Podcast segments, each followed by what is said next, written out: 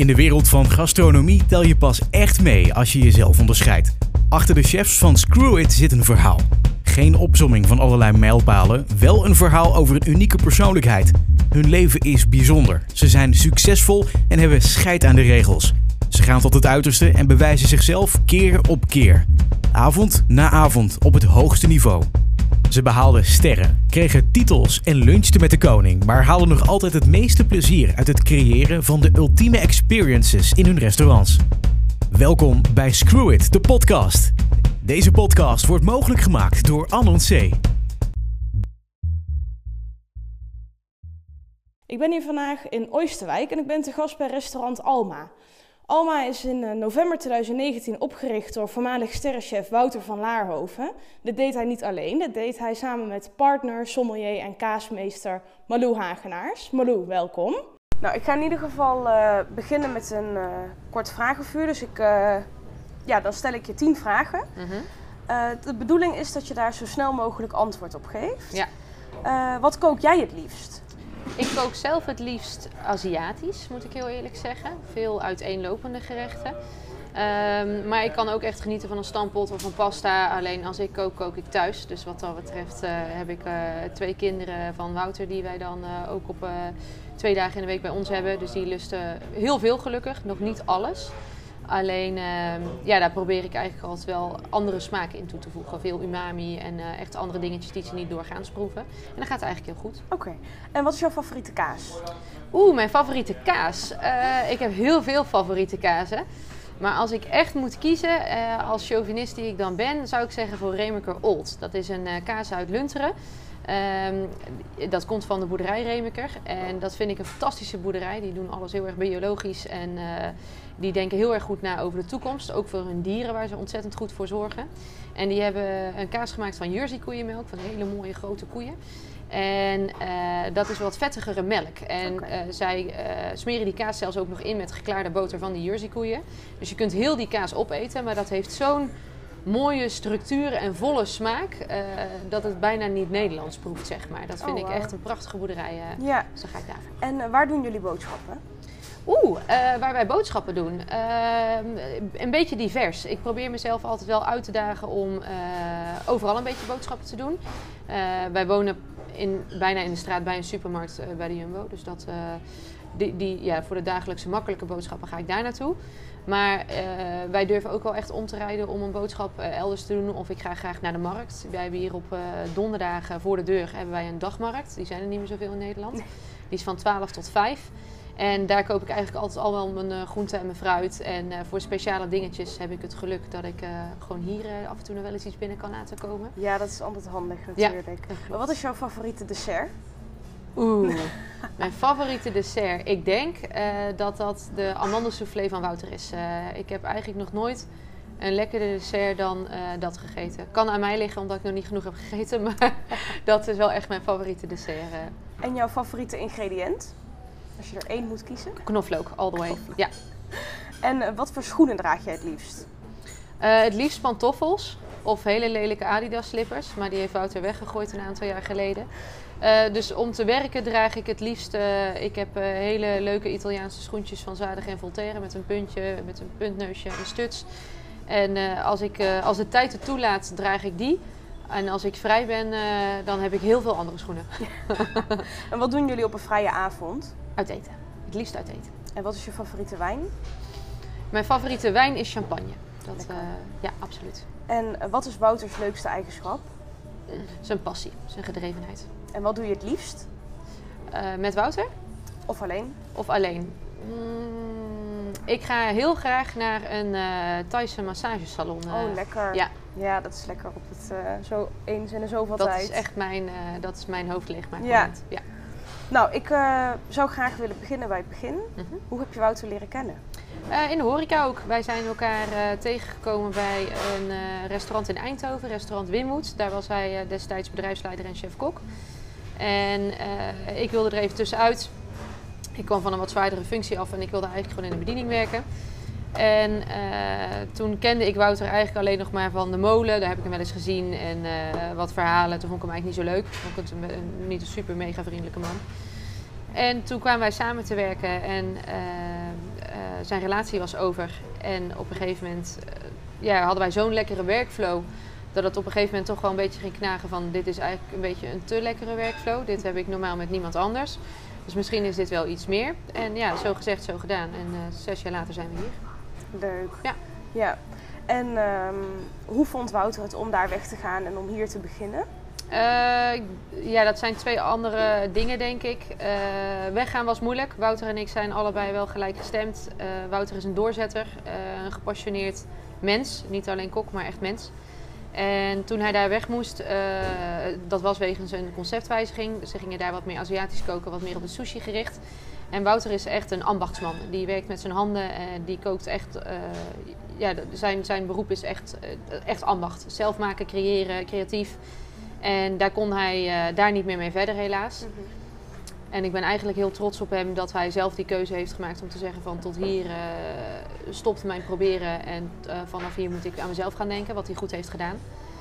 En dat was moeilijk voor hem, want het voelt een beetje als opgeven, terwijl dat het eigenlijk een stap is naar je toekomst. Ja. toen hebben we ook direct eigenlijk samen besloten van de volgende stap die we naar Wim moeten maken is met z'n tweeën. Wij willen gewoon een eigen zaak, 100% eigen, geen investeerder meer geen, uh, geen gekke capriolen. We willen echt gewoon iets wat, uh, waar je binnen staat en dat je kunt zeggen: dit is van ons. Daar voelen we zelf, onszelf het meest happy bij. En toen kregen we heel veel aanbiedingen uh, voor panden en mensen die voor overnames. En wij zijn toen een blauwdruk gaan schrijven van wie zijn wij? Wat willen wij en wat past er binnen ons plan? En dan kom je in een prachtig pand en dan denk je: oh, dit is fantastisch en mooier wordt het niet. Alleen hoeveel gasten passen hier binnen? Hoeveel moeten wij hiervoor draaien om dit waar te kunnen maken? Ja, 100, 120. Dat is niet wie we willen zijn. Wij wilden een klein pand, eh, iets wat behapbaar is, met maximaal 10 fulltimers in dienst, waar we gewoon lekker mee kunnen werken. Dat is voor ons iets waar wij denken dat we het mee kunnen rooien. En toen kwam dit pand voorbij en ja, dit pand zorgde eigenlijk voor alle puzzelstukjes op zijn plek. Ja, ja en het ziet er prachtig uit. Het is echt uh, super van binnen en van buiten ook. Ja. En uh, je hebt het over de ambacht van Wouter. Ik heb gelezen dat hij ook bezig was met een eigen moestuin. Ja, klopt uh, inderdaad. Bij ons om de hoek, waar wij thuis wonen, wij wonen een beetje in het, wij wonen aan de rand van, van Oosterwijk en wij wonen eigenlijk een beetje in het groen tussen boeren, weilanden en heel erg vrij. Als ik de hond uitlaat, dan loop ik tussen de koeien en de schapen, zeg maar.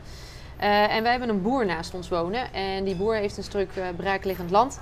En uh, die is heel erg bezig met verduurzamen van zijn boerderij. Die moet zich gaan bewegen naar de nieuwe normen om te boeren. En daar hoort een stuk verbouwen bij. En zijn stallen moeten wat geüpgrade worden. Een deel daarvan is al helemaal groen. Alleen hij wil daar ook een soort van dagbesteding maken voor mensen die het wat moeilijker hebben of wat minder valide zijn. En dat doen ze in principe super gaaf. Alleen daarnaast uh, ligt een stuk, uh, ze zijn daar bezig met een voedselbos. En ja, als buurman zijn uh, moet je daar natuurlijk wel een beetje in betrokken raken. Dus dat, dat staat in de planning. Ik weet nog niet wanneer, want daar moet je ook echt tijd voor hebben en ja. maken. want als we het nu zouden doen, moet je daar gewoon een fulltime tuinman voor aannemen. Dus daar zitten we eigenlijk nog een beetje mee hoe dat we dat precies vorm gaan geven. Alleen dat is wel een doelstelling voor 2022 eh, om daar eh, werk van eh, te kunnen maken. Ja, en dan ook om de producten die jullie daar maken hier te gebruiken, denk ja, ik. Ja, echt koken naar het seizoen. Dat doet Wouter nu in principe ook al wel.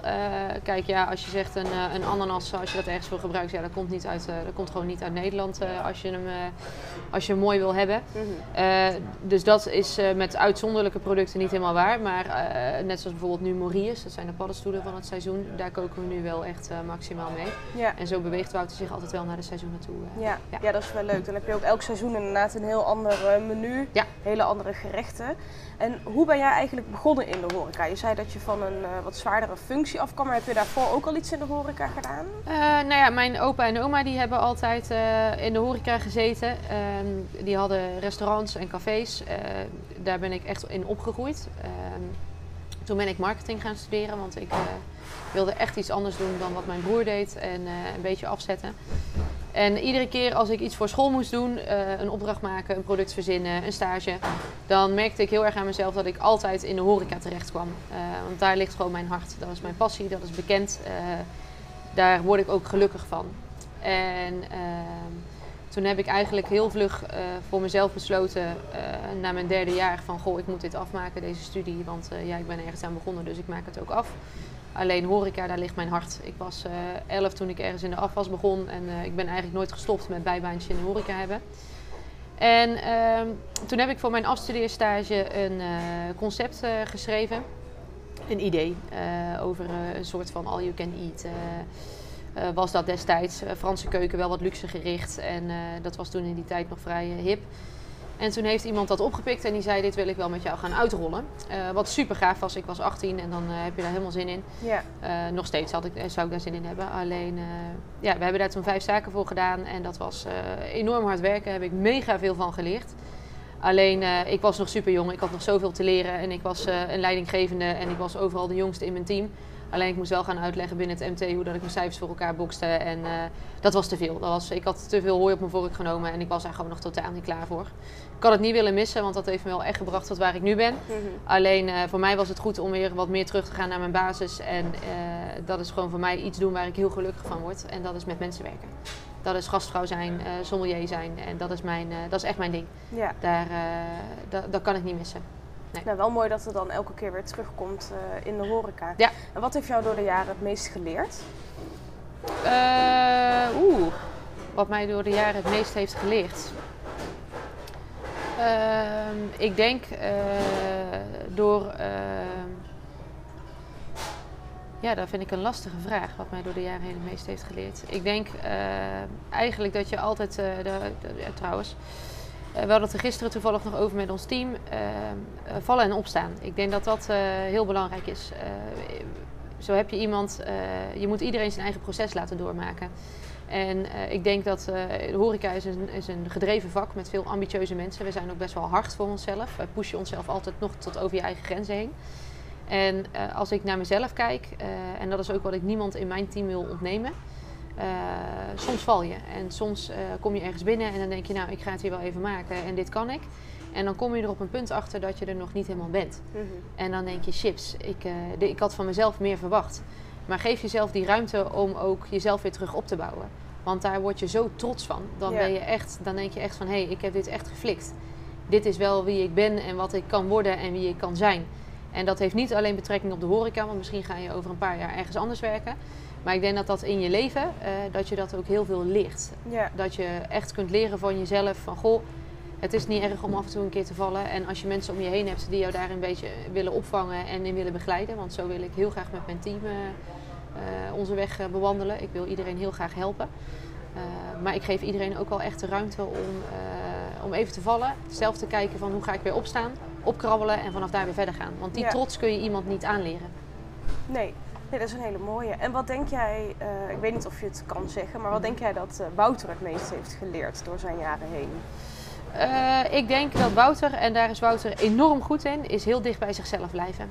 Die, doet geen, die boet niet in op kwaliteit. En dan is, het, dan is het maar heel even niet of even langer of even moeilijker. Alleen Wouter is daar heel erg goed in, in het dichtbij blijven van zichzelf en van, van Alma ook in deze. Ja. Zo hebben we bijvoorbeeld als een leuk voorbeeld met Koningsdag was het vorig jaar. Toen ik ben heel erg van het uh, cijfermatige. Ik wil graag uh, target scoren, halen, doelen uh, pakken. Ik ben daar wel echt wat meer op, op geënt dan, dan Wouter. En vorig jaar met Koningsdag, toen zaten we net in die takeaway. Toen zei ik tegen Wouter, we moeten een borrelplank doen of een tasje of dit.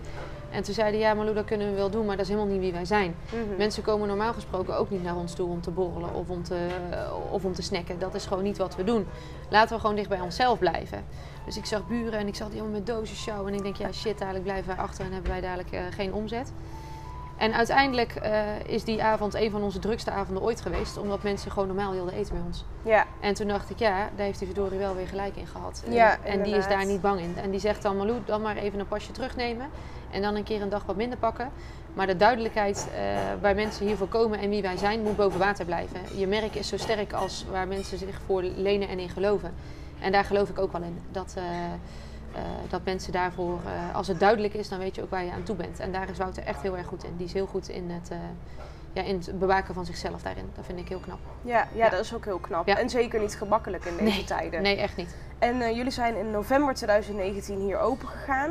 Ja, klopt. Hoe voelde dat om samen iets compleet nieuws te starten? heel raar eigenlijk. Ik heb hier de eerste vier maanden denk ik rondgelopen alsof de zaak niet van mij was.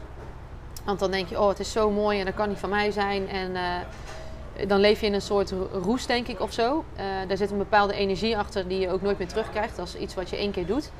Wat echt heel erg leuk is. Dat is een uh, heel verliefd gevoel, een heel zenuwachtig gevoel. Alleen wij zijn hier zo lang bezig ook, geweest met de bouw. We hebben een eh, dik half jaar echt heel intensief eh, gebouwd en verbouwd. En je leeft dan naar zo'n bepaald moment toe. En pas net toen we een beetje begonnen te dalen qua eh, emoties en spanning en druk, eh, ja, toen kwam onze eerste sluiting eh, om de hoek kijken. Dus dan heb je weer een hele andere rollercoaster waar je instapt. Ja, en hoe hebben jullie dat opgepakt, die eerste sluiting? Want het was natuurlijk heel kort Ja. nadat jullie open waren al. Absoluut. Eh, een Ehm, maand of vier denk ik dat jullie goed hebben kunnen draaien. Ja, ja inderdaad. Ja, het was, we hebben met ons hele team, hebben we s'avonds een, en met de gasten die nog binnen zaten, want het was op een zondag. Eh, en wij hadden een hele drukke lunch. En ehm, op een gegeven moment eh, wil ik, eh, ga ik tussengerechten aan een tafel inzetten. En die mensen die zeggen, krijgen wij ons hoofdgerecht nog wel? Dus ik begreep er helemaal niks van. Ik zeg, krijgt u uw hoofdgerecht nog wel? Wat bedoelt u precies? Ja, jullie moeten om zes uur dicht. Ik zeg, oh nee, wij gaan vandaag om tien uur dicht. Nee, nee, maar vanwege de sluiting. Ik zeg, nou, ik geloof dat dat vanaf morgen gaat beginnen. Ik zeg, ik heb de persconferentie nog niet gezien, dat is zo.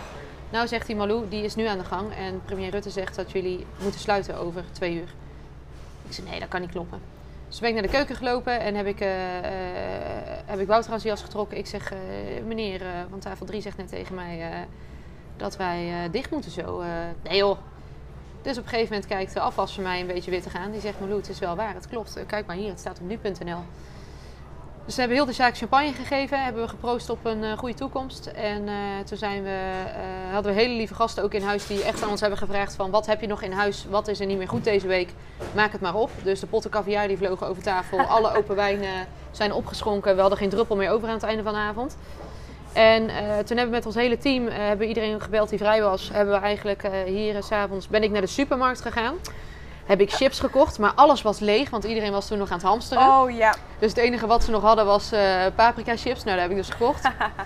en eh, toen heb ik eh friet besteld. En toen hebben we met z'n allen hier met champagne en friet en chips... hebben we onszelf goed te goed gedaan.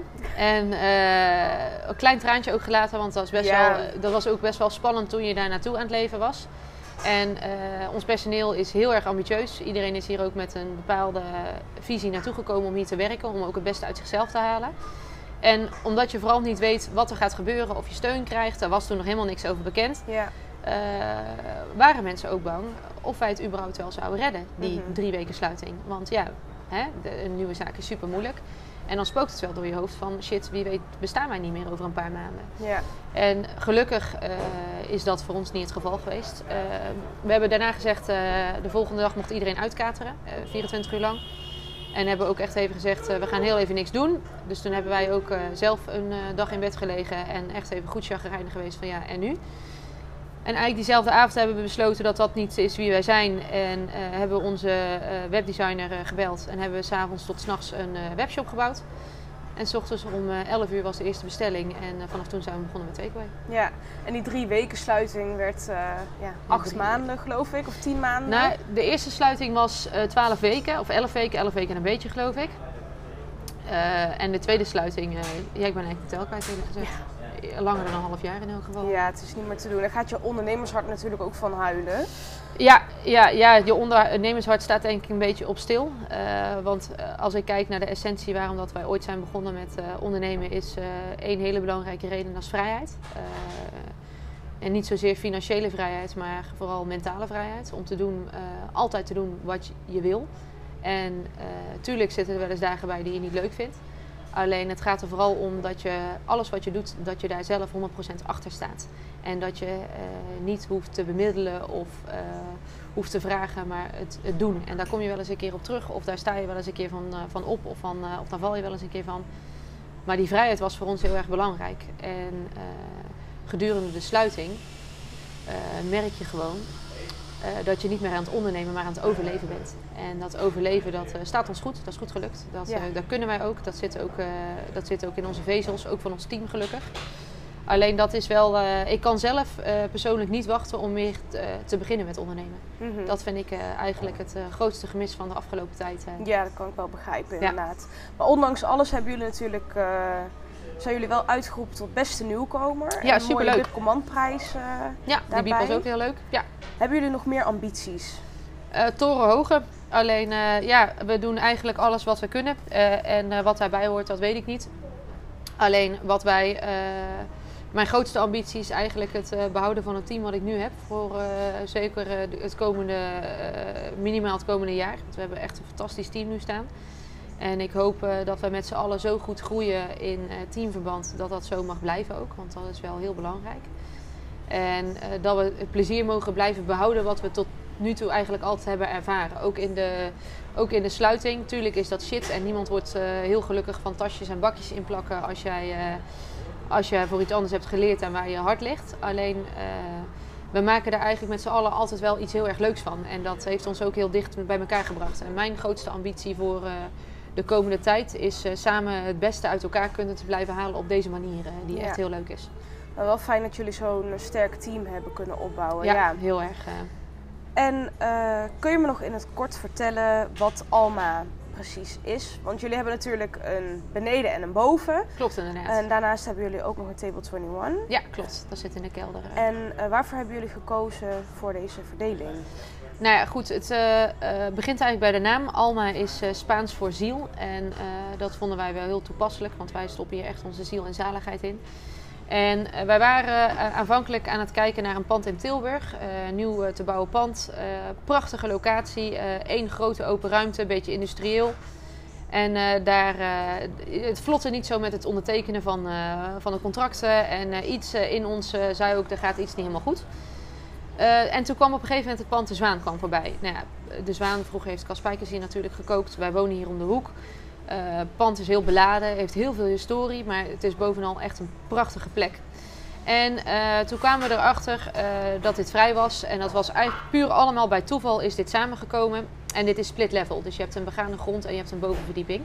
En je hebt ook nog een grote wijnkelder. Nou ja, goed. Ik vind dat als je een split level hebt, vooral aan de lint waar wij nu zitten, eh, dat je een stukje sociale functie hebt naar het dorp toe. Mensen moeten hier binnen kunnen komen lopen voor een kop koffie, een eh, mooie sandwich, een salade, eh, voor een lekker glas wijn, een bitterbal.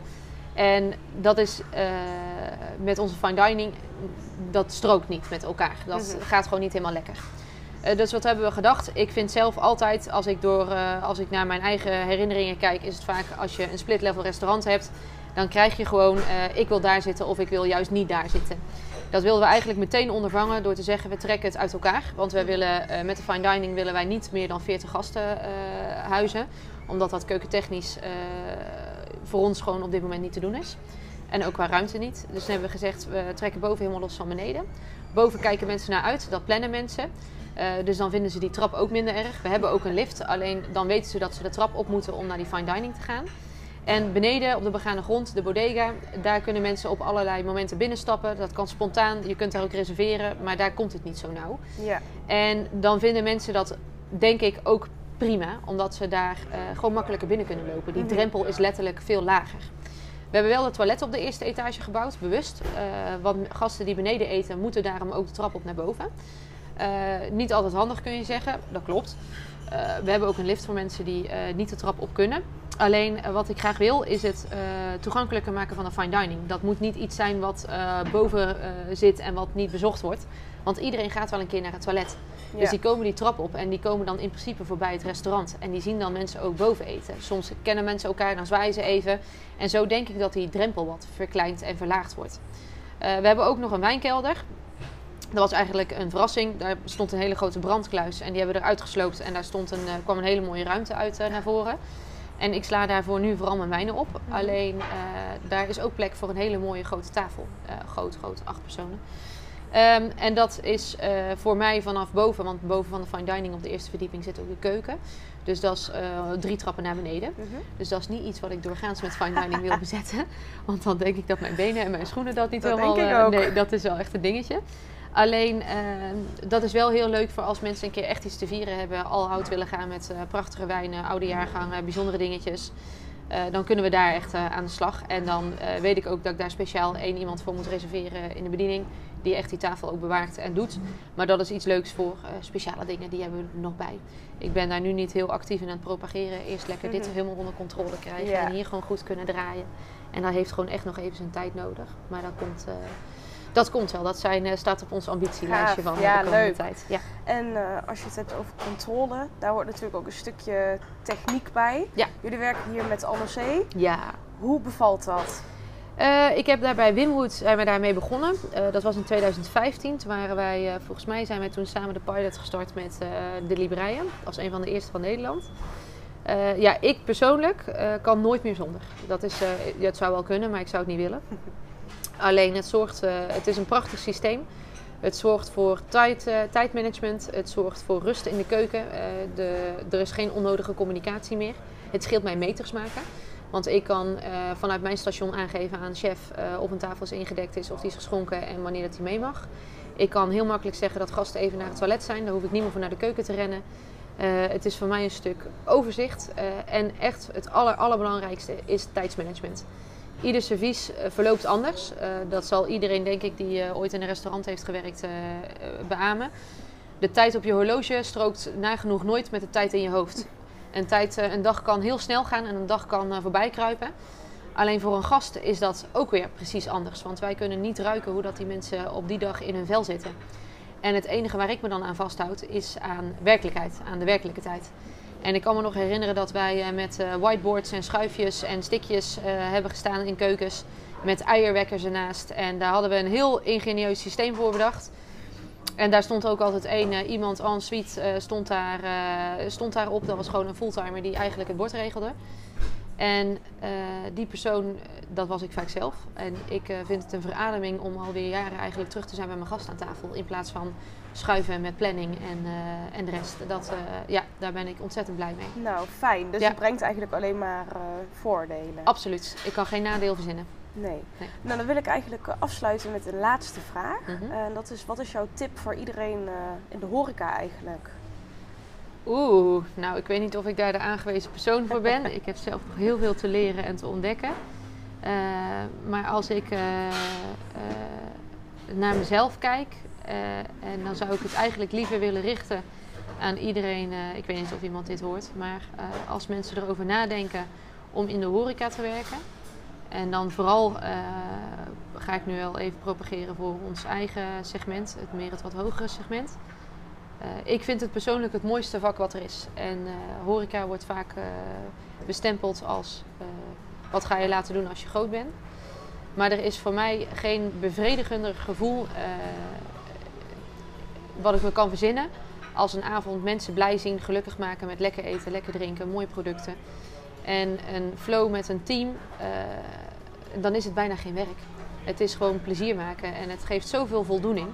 En ik zou iedereen dat toch eigenlijk wel willen meegeven dat het, uh, als het je plezier blijft geven, dat je daar echt mee door moet gaan. Want het is echt zo'n mooi vak. Ja. Ja. Nee, heel erg bedankt. Ik vond het uh, heel leuk om jullie verhaal aan te horen. Het ziet er hier prachtig uit. Ik wens jullie heel veel succes met de heropening. Dankjewel. Mocht het allemaal zo uh, door blijven gaan, dan is dat hopelijk snel. Ja. Jullie hebben echt een super concept neergezet hier met Alma. Dus uh, Dankjewel. heel erg bedankt voor het leuke gesprek. Nou, heel erg graag gedaan. Jij bedankt. Deze podcast wordt mogelijk gemaakt door Anon C.